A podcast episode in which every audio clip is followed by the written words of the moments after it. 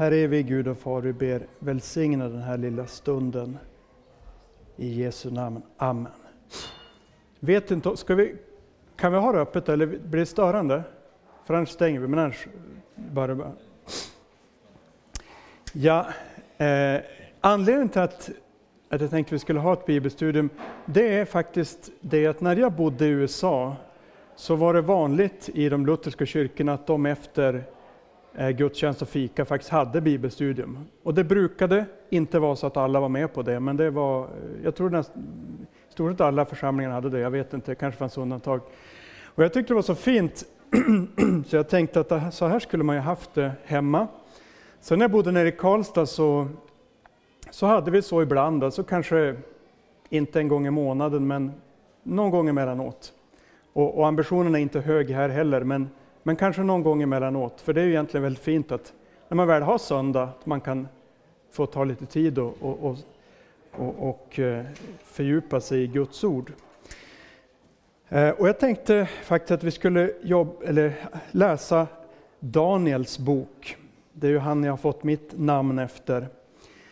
Eh, men först ge lite bakgrund till boken.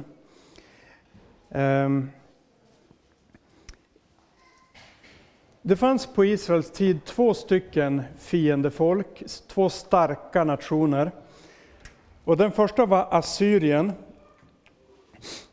Och Assyrien kom år 722 och eh, krossade fullständigt Nordriket på grund av att man levde så ogudaktigt där.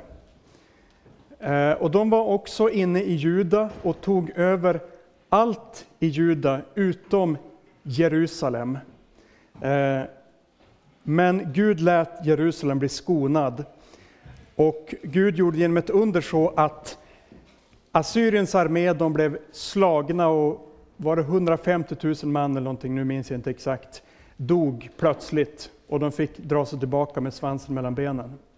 Och det är faktiskt så att flera av de här händelserna som, som det berättas om i Bibeln på 7, 6, 5, 400-talet finns också arkeologiskt bekräftade. Till exempel att den här kungen eh, Sanherib, att han inte lyckades inta Jerusalem, det har han själv beskrivit.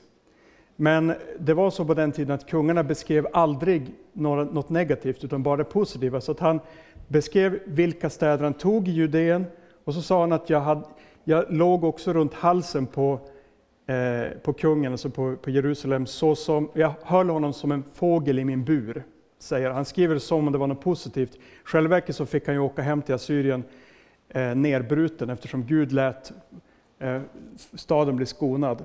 Men det var 722 f.Kr. Så han var då, Nordriket tog han med sig, Sydriket var också plundrade, tog, intog många städer, men Jerusalem kunde han inte inta. Gud sparade det här området ännu en tid. Ehm, och efter att, eh, efter att eh, eh, kungen i Juda hade, hade så att säga, kommit undan och sen drabbats av en sjukdom, men genom Guds nåd fått tillbaka hälsan, så skickade man sändebud från Babylonien och ville gratulera och, och prata med kungen i Juda. Eh, antagligen för att undersöka hur starkt Juda var, hur, hur, bra de var som allierade. För att Babylonien gillade, ingen gillade Assyrien. Assyrien var så att säga Ryssland eller USA på den tiden. Och, och de här andra länderna var som Tyskland och Frankrike och så vidare. Så alltså att de kom till Judeen och uh, kungen tog emot dem och han visade dem allt han hade, sin skattkammare. Han ville visa hur starka de var. Och så kommer Gud med ett ord till dem, vad har du gjort? Eh, vilka har varit här och, och, tittat? Jo, jo, det var de och de. Och då, då säger Gud att eh, eh i Jesaja bok, hör Herren Sebaots ord, se dagar ska komma då allt som finns i ditt hus och som dina fäder samlat ända till denna dag ska föras bort till Babel. Ingenting ska bli kvar, säger Herren. Och man ska ta några av de söner som ska utgå från dig och som du kommer att föda, och de ska bli hovmän i den babyloniske kungens palats. Och det var det som hände 150 år senare, att babyloniske kungen, nu hade, nu hade de lyckats krossa Assyrien, Nu var det Babylon som var det stora riket i Mellanöstern. Och de trängde ner i Juda, kom till Jerusalem, intog staden och tog med sig en del av kärlen i, från Guds hus och en del av kungasönerna och andra ädla män. Och en av dem var då de här fyra, Daniel, Mesak, Abednego och så vidare.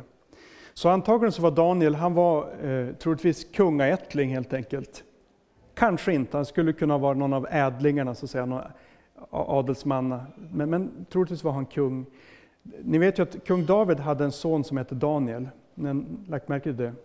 Och man brukar ju ofta ge sina barn namn efter förfäder, så det är inte omöjligt att Daniel just var från Davids stam. Och eh, så gick de här orden i uppfyllelse. Det här babyloniska imperiet det sträckte sig ända från Kuwait, Irak, och upp över dagens Syrien, ner till Libanon, eh, och det intog Juda och allt och ner till Arabien, ett sträcka där. Så det var ett, ett stort imperium, in, hade så att säga allt utom kan säga, Egypten och förstås Kina, Indien. Så det var det största och starkaste riket på jorden på den här tiden. Um, År 605 kom Nebukadnessar alltså och intog Jerusalem och krävde, efter att han intagit det, att judarnas kung skulle betala tribut varje år, eh, eller med en viss regelbundenhet, till, till Nebukadnessar. Ehm, kungen här, han gjorde det under tre år, men sen slutade han med det. Han hoppades att han skulle kunna göra uppror. Och då kom Nebukadnessar en andra gång, och det är alltså bara åtta år senare och intog Jerusalem igen. Eh, avsatte kungen och så vidare. Och så hände samma sak igen. De betalade tribut ett tag, men sen slutade de med det. Och så kom Nebukadnessar år 586 och då var hans tålamod slut.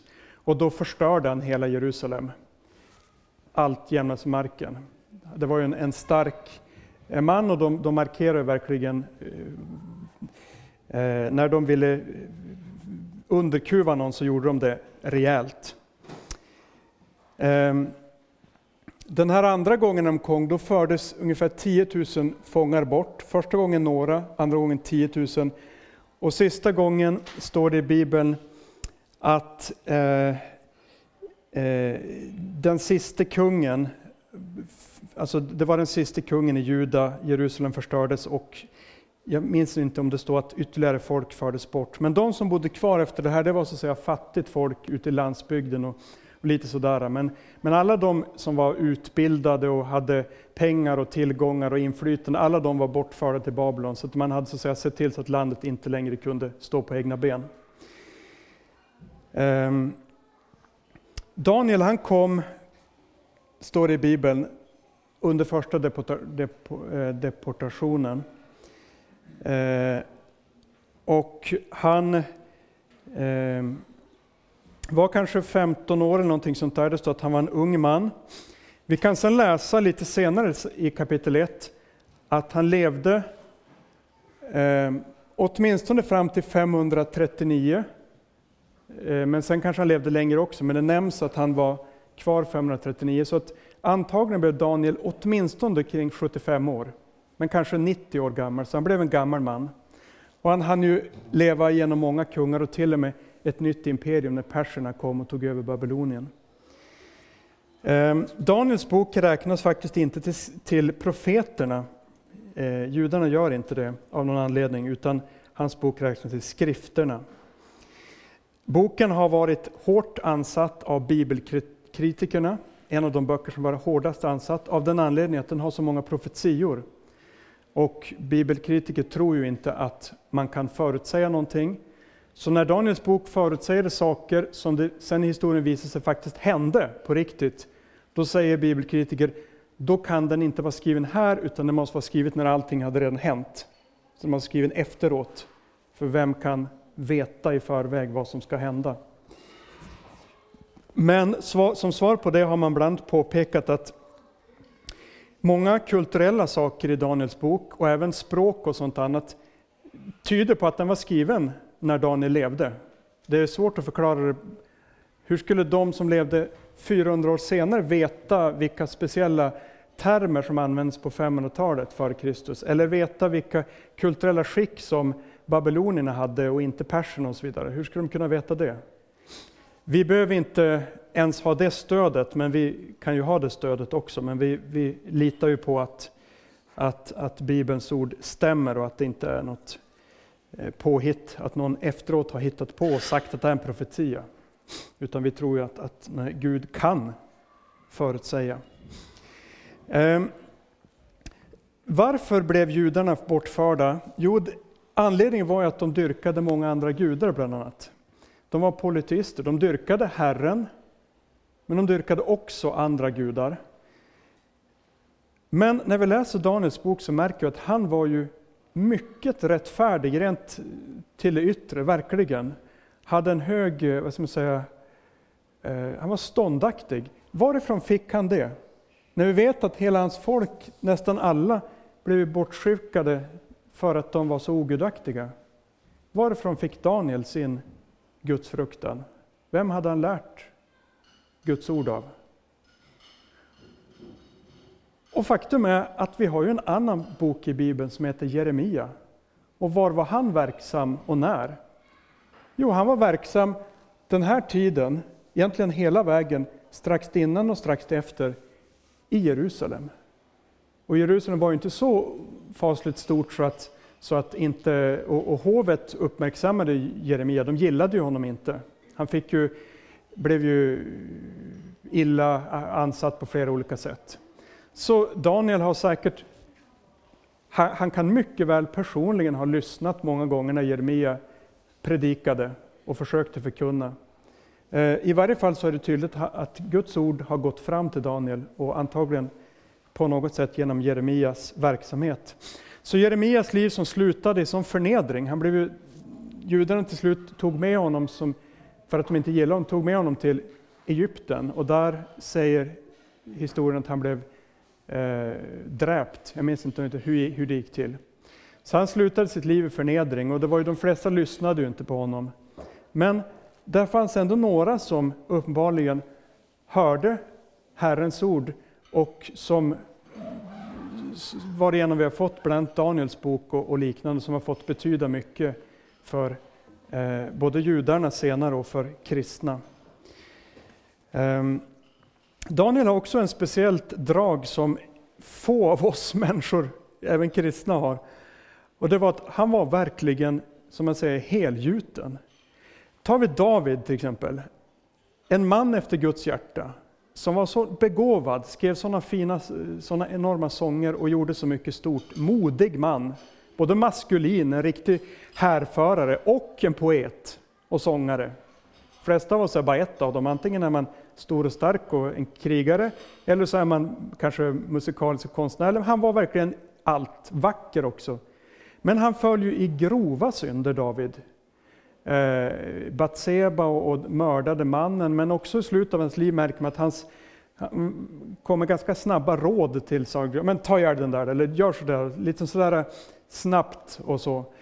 Mose var inte heller, han blev irriterad när folket tjatade på honom, så han slog på klippan fast Gud hade sagt att du ska tala. Och många andra eh, personer i Bibeln möter vi som, som faller på olika sätt.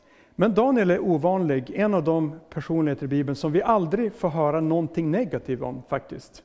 Så på det sättet är han ju en förebild för, för Jesus på ett sätt som få andra var faktiskt. Eh, han var ju förstås syndare i sitt hjärta, men han hade den gåvan och visheten att, att, och gudsfrukten, att han faktiskt behärsk, och, och, och behärskandets gåva, att han, han inte, inte föll, eller det, är inget som vi får höra om. Och när Hesekiel faktiskt talar eh, om, eh, Hesekiel skriver på ett ställe, och då nämner han tre personer, Noa, Daniel och Jobb. Och han säger att om de skulle finnas, och så säger han att prata om dem som väldigt rättfärdiga. Vi behöver inte ta sammanhanget, men han lyfter fram Noa som levde då, jag menar tusen år före Hesekiel. Jobb som kanske också levde någonting sånt. Och så tar han upp Daniel som var samtida med Hesekiel. Alltså, förstå vilket namn Daniel måste ha varit när någon nämner en samtid och jämför med två stycken enorma profeter som levde tusen år tidigare. Ja, men det är ungefär som jag skulle säga eh, Luther, Melanchthon och Karl-Åke. Ja, men det är liksom, när man tar två stycken giganter och placerar bredvid någon som lever nu så det är väldigt hedrande. Eller hur? Det, det, det, det gör vi nästan aldrig. Vi tar inte sådana exempel, men så gör Hesekiel och det visar att Daniel utmärktes just för sin rättfärdighet. Eh, och på flera andra sätt så förebildar han också Kristus, liksom David gjorde det. Men, men det här att han var så rättfärdig är ju en, en sån sak, och så, så vis. Eh, Ska vi ta nu och börja läsa första delen i Daniel kapitel 1. Och vi kan, eh, det finns biblar där bak faktiskt om någon vill följa med. Är det någon som vill läsa, eller vi spelar in, då läser jag faktiskt, annars kommer det inte höras. I Jesu namn. I Juda kung Jojakims tredje regeringsår kom Nebukadnessar, kungen i Babel, mot Jerusalem och belägrade det. Och Herren gav Jojakim, kungen i Juda, i hans hand, liksom en del av kärlen i Guds hus, och Nebukadnessar förde in dem i sin Guds hus i Siniars land. Babylonien. Kärlen förde han in i sin Guds skattkammare. Och så kan vi bara nämna här att på den här tiden så trodde folk att varje land hade en huvudgud. Och att det var den huvudguden som, hur stark den huvudguden var, spelade roll för krigen. Så att om Babylonernas huvudgud, om Babylonerna vann över Assyrien, då betyder det att Babylonernas huvudgud var starkare än Assyriens gud. Och det var ett problem att Israel blev, Israels Gud blev så att säga, han säger det själv, jag, jag blir förnedrad, så att säga. nu använder jag mina egna uttryck, men han blir liksom förnedrad när folket intar hans, andra folk intar hans land, för då tror omgivningen att Israels Gud är inte så stark. För kolla, andra gudar kunde ta in, inta landet. Så det var så att säga förnedrande för Gud själv, men han var tvungen att göra det. Det var en straffdom mot sitt land. Men det spred liksom ingen god tanke om Israel. Men lägg märke till vad som står här i vers 2. Och Herren gav Jojakim, kungen i Juda, i hans hand. Det var alltså inte så att Jojakim och hans Gud var starkare, utan det var Herren som gjorde detta. Herren utlämnade sitt eget folk på grund av deras synder. Så Gud visar sig inte svag, utan han, här markeras att han, det var han som stod bakom det. Så läser vi vidare från vers 3. Kungen befallde sin första hovmarskalk Aspenas att han av Israels barn skulle låta hämta unga män av kunglig släkt eller av förnäm börd, sådana som inte hade något kroppsligt lyte utan var vackra att se på. De skulle kunna tillägna sig all slags lärdom, vara kloka, ha lätt för att lära och vara dugliga att tjäna i kungens palats. De skulle få undervisning i kaldéernas språk och litteratur.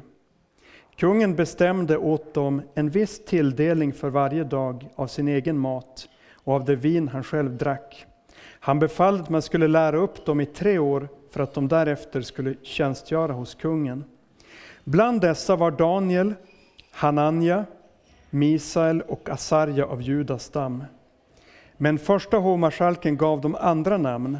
Daniel kallade han Beltesassar, Hananja Sadrak, Misael Mesak och Asarja Abednego.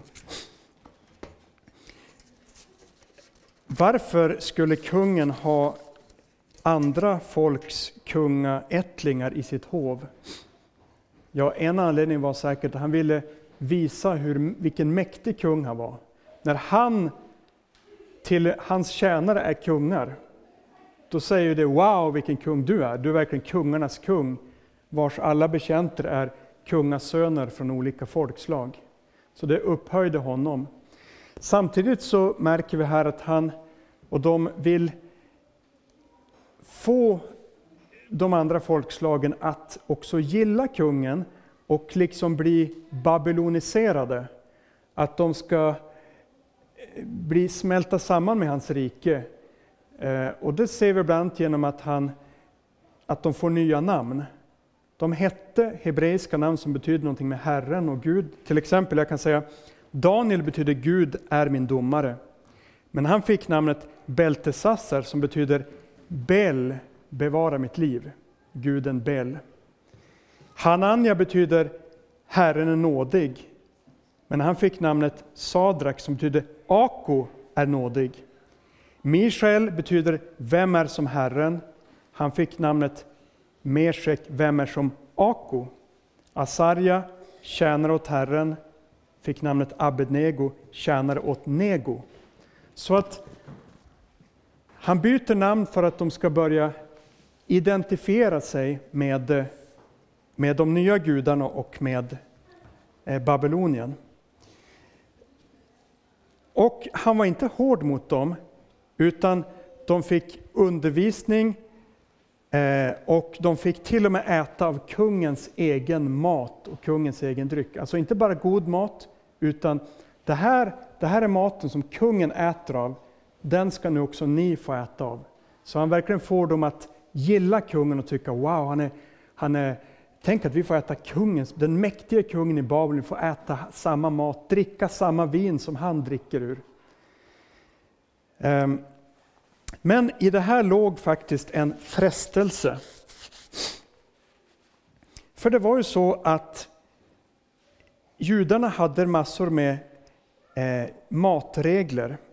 Det fanns många djur de inte fick äta. De fick inte äta blod eh, och därmed inte heller djur som till exempel var kvävda till döds, för då fanns ju blodet kvar. Och dessutom så brukade man på den här tiden, särskilt den kungliga maten, eh, offra, så man, om man tog ett får, så slaktade man det, så tog man en bit av köttet och offrade till guden. Och så tog man resten och åt. Så det var en slags gemenskapsmåltid, så att man hade så att säga, gemenskap med guden genom maten man åt. Samman vinet, hällde ut lite av vinet på altaret och resten av vinet så delade vi på. Det här fanns ju också i judarnas eh, gemenskapsoffer, fungerade på samma sätt. Ge lite åt guden, äta resten själv. På det sättet så äter både guden och vi tillsammans, symboliskt så att säga. Eh, och det här, eh, här märker vi att här vill Daniel dra en linje. Han kunde knappast hindra att de gav honom ett annat namn. Eh, han kunde säkert inte heller hindra att, att komma dit och så vidare. Men att äta mat, han hade ju ingen kontroll över vad det för kött som kom med här. Det gick han inte. Och då står det att han bestämde sitt, i sitt hjärta för att inte orena sig med kungens mat. Vi kan läsa från vers 8.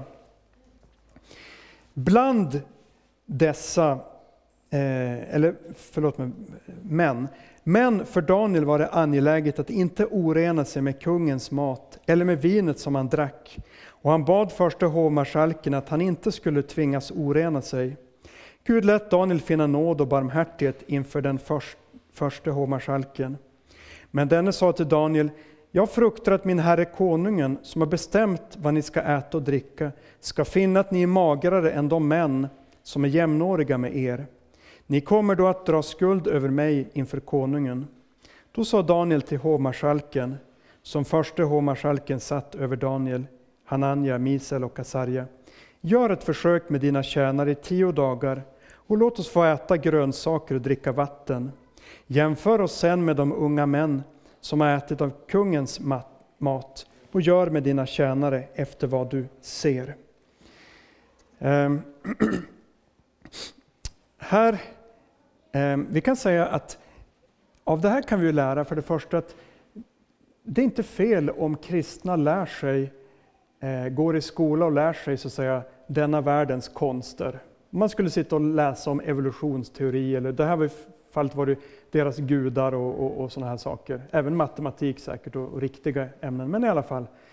Det är inte fel att kristna fördjupar sig i världens så att säga, visdom för att veta vad det står för. Men om man själv ska så att säga, börja ta del av det och bli en del av det, då, då vill man säga nej. Det går inte. Och Gud hade ju sagt vad judarna skulle äta och inte äta, så här drog Daniel ett, ett streck. Ehm, det står ju som Henrik sa idag att vi ska vara i världen men inte av världen. Och det är ju Jesus som sagt det. Och på ett annat ställe står det att Anpassa er inte efter den här världen, den här tidsåldern. Anpassa er inte. Eh, Daniel frestades att anpassa sig, men han, eh, han gjorde inte det. Och samtidigt kan vi märka, som jag tycker är faktiskt väldigt fint här, vilken, vilken, eh, vilket fint sätt han har när han framför det här. Själv kanske jag skulle bli sur eller jag vet inte, stampa med foten i golvet eller vem vet, något sånt här. Men han, han, han är väldigt tydlig med att han inte vill göra det. Men han, han framför det på ett så, vi kan säga, värdigt och stillsamt sätt ändå. Att, att säger att jag ber att få slippa det här för att jag vill inte orena mig. Så han förklarar vad det gäller. Och när hovmarskalken säger att ja, men alltså, kanske jag drabbas då av ditt beslut, och säger han men om vi testar tio dagar så får vi, kan du få bedöma. Han liksom la det på Gud då. Vi testar tio dagar så får du själv sen bedöma. Eh, och Gud var ju med och det visade sig att det gick inte alls illa utan han fick, eh, de, var, de hade inte drabbats. Eh, det kan ju hända att kristna har fått avstå från en sak och det har inte gått bra. De har blivit mördade.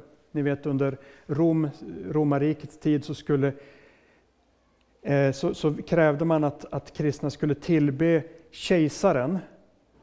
Och det var kristna som inte ville det, eh, för att vi ska bara tillbe Gud. Ja, det borde ingen göra, men i alla fall så och då kunde man säga så här, men ta bara ett litet sånt här rökelsekorn, bara ett litet litet och lägg på altaret här. Det är det enda vi kräver. Bara lägg ett litet litet rökelsekorn här till, så får du gå fri. Och vi förstår vilken frestelse det blir. Eh, för jag menar, man tänker på, eh, ja, det kan komma många tankar att ja, men om du fortsätter att leva så kan du vara till större nytta än om du, så det är bättre att, att liksom, ja, kompromissa på den här punkten. Ehm, men, men här ser vi att Daniel han, han eh, bad om att få slippa och Gud välsignade det. Ehm, en del kristna som, som bad att få slippa att lägga sånt här rökelsekorn, de blev faktiskt halshuggna. Ehm, men, eh, eh, och det kan vara en välsignelse också. Man får ju lämna det här livet och gå till, och, och det viktigaste är ju ändå att, att hålla sig till Herren. Vi kan fortsätta läsa vers 14. Han lyssnade till deras begäran och gjorde ett försök med dem i tio dagar. Efter de tio dagarna visade de sig vara vackra att se på och mer välnärda än alla de unga män som hade ätit av kungens mat. Hovmästaren lät, då, eh, lät dem då också i fortsättningen slippa den mat som, han hade varit, som hade varit bestämd för dem och det vin som de skulle ha druckit, och han gav dem grönsaker istället.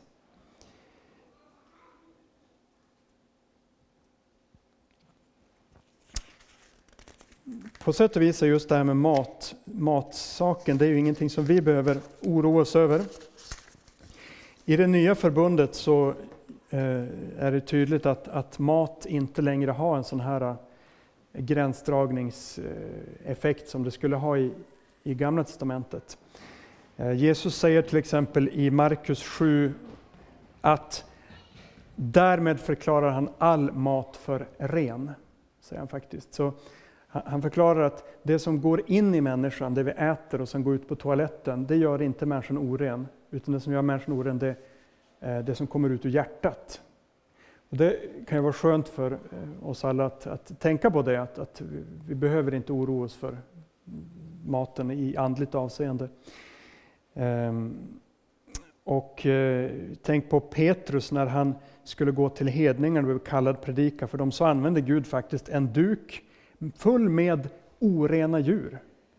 Och poängen var ju inte att framförallt att visa att nu får du äta vad du vill. Poängen var ju framförallt det symboliserade hedningarna. Men i alla fall att Gud alls använde en sån bild. Slakta och ät, säger han tre gånger. Varsågod Petrus. Och Petrus säger aldrig att jag skulle äta något orent, har jag aldrig gjort. Slakta och ät, säger han tre gånger. Och sen kan vi läsa i Kolosserbrevet 2.16, det skulle vi kunna slå upp som ytterligare ett sånt här ställe. Eh, Kolosserbrevet 2.16 som handlar också om mat. Det eh,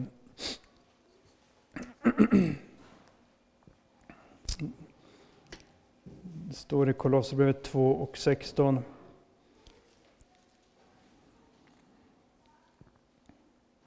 Låt därför ingen döma er för vad ni äter och dricker eller i frågor om högtid eller ny månad och sabbat. Är detta, allt detta är bara en skugga av det som skulle komma, men verkligheten själv är Kristus. Så om någon skulle döma dig eller mig, det händer ju kanske inte så ofta, men det kan hända. De säger du får inte äta kräftor till exempel, det står ju i Gamla testamentet det. Ja, men i Nya Förbundet har Jesus faktiskt sagt så här. Han förklarar all mat för ren. Han säger att låt ingen döma er. Eh, vi kan helt kort eh, nämna det här med att, att i, bland judarna så, som levde i romarriket så blev det ju en del judar eh, som levde kvar i Babylon och sen i, när romarriket, när de tog greken och sen romarriket, så, så var det ofta så att, att maten var offrad till avgudar och så vidare. Det gjorde att, att fromma judar, eller gudfruktiga judar, kunde nog titta just på Daniels bok och se hur gjorde Daniel? Jo, han avstod, han åt grönsaker. För man kan se att de, eh, de var försiktiga med att äta eh, kött faktiskt. Och det, dyk, det, blir sen ett problem i Nya Testamentet, för då kommer det hedna kristna som aldrig tänkt på att det ska vara något problem med någon mat. Och ska nu vara församling tillsammans med judekristna som hela sitt liv har vant sig vid att vi äter inte kött som är offrat åt avgudar, vin som offras och så vidare. Vi äter inte sånt.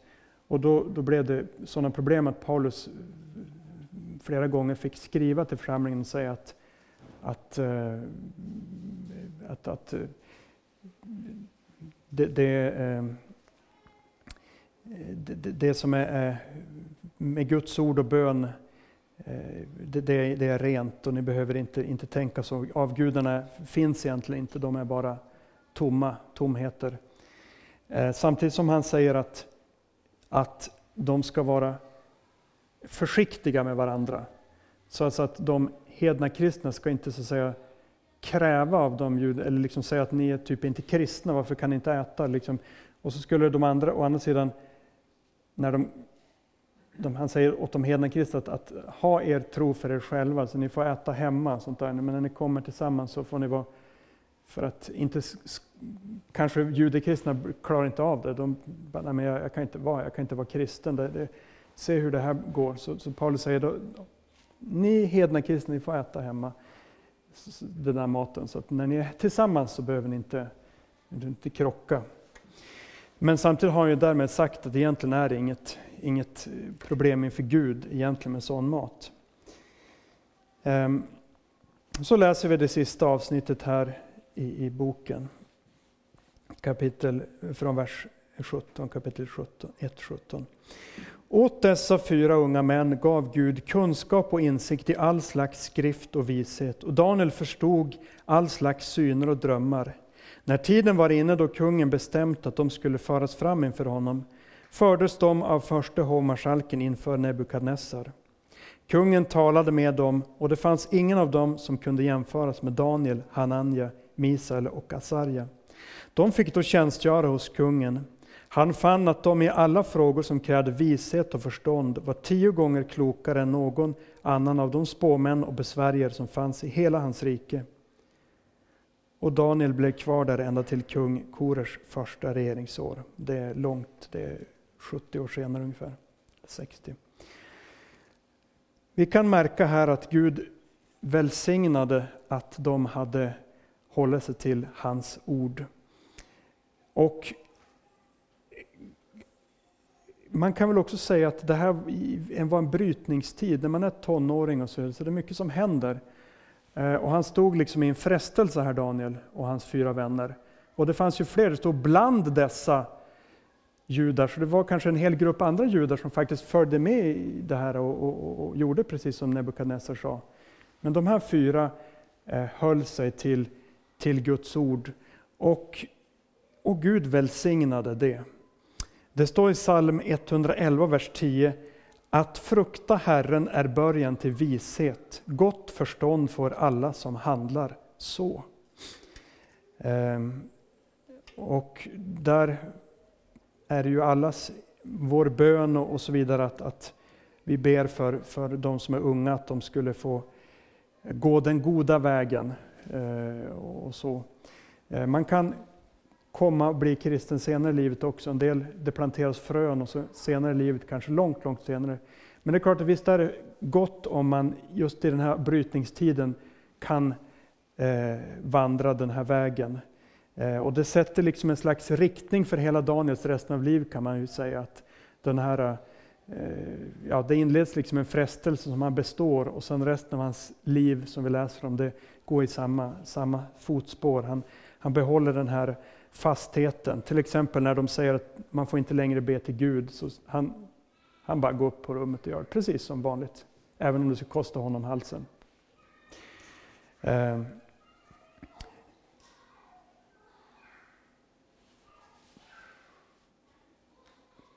Framförallt så kan vi också tänka på att en som frestades att tillfredsställa hunger med mera Eh, genom att överträda Guds bud, det var ju Jesus. Djävulen frestade Jesus faktiskt på ett liknande sätt som Daniel. Fast då var Jesus inte ens, han hade inte ens mat i magen så att han var vrålhungrig. Eh, eh, men det är också liksom en liten förebild till Jesus, fastän Jesus situation var så mycket, mycket värre. Men han bestod provet åt oss. Och därför får vi, om vi skulle ha fallit i frestelser som liknar Daniels frestelse eller andra, så får vi ändå uppresas igen genom att eh, Jesu Kristi eh, lydnad, den gäller som din och min. Så du räknas som du har bestått alla prov. Men samtidigt får det vara en förebild för oss när vi läser om Daniel, att, att vi får liksom, det får uppmuntra och, och, och stärka oss faktiskt när vi står i, i vägskäl och svårigheter att, att uh, hålla fast vid det Gud har sagt. Ska vi stanna där. Himmelske Gud och Far, vi tackar dig för att du får läsa ditt ord och vi ber att det skulle bli till välsignelse på våra hjärtan. Herre, vi har många bekymmer, men vi får komma med allt till dig.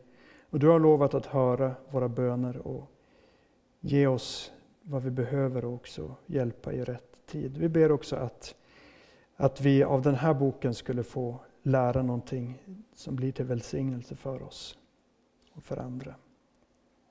I Jesu namn. Amen.